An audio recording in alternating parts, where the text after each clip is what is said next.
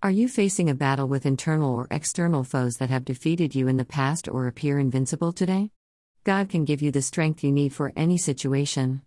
Don't be startled by the way He helps you.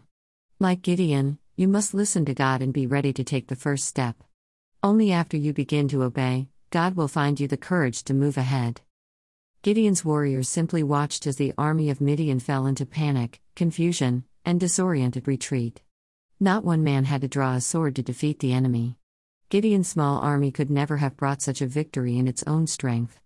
God wanted to demonstrate to Israel that victory depends not on strength or numbers, but on obedience and commitment to Him. What fears or challenges are you facing? Remember, whatever your fears or challenges are, God is with you and wants to help you. Vivienne Caldwell is the author of her first Be Strong. The Lord is always with you in her first children's book No One Wants to Be My Friend.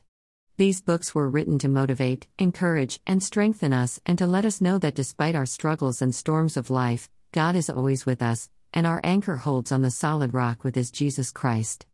Her books are not available on Amazon and Barnes and Noble so get your copy today. Just type in her name, Vivienne Caldwell, and you will see her books. You can also subscribe to her podcast at https colon slash slash anchor.fm slash Vivienne Caldwell slash subscribe.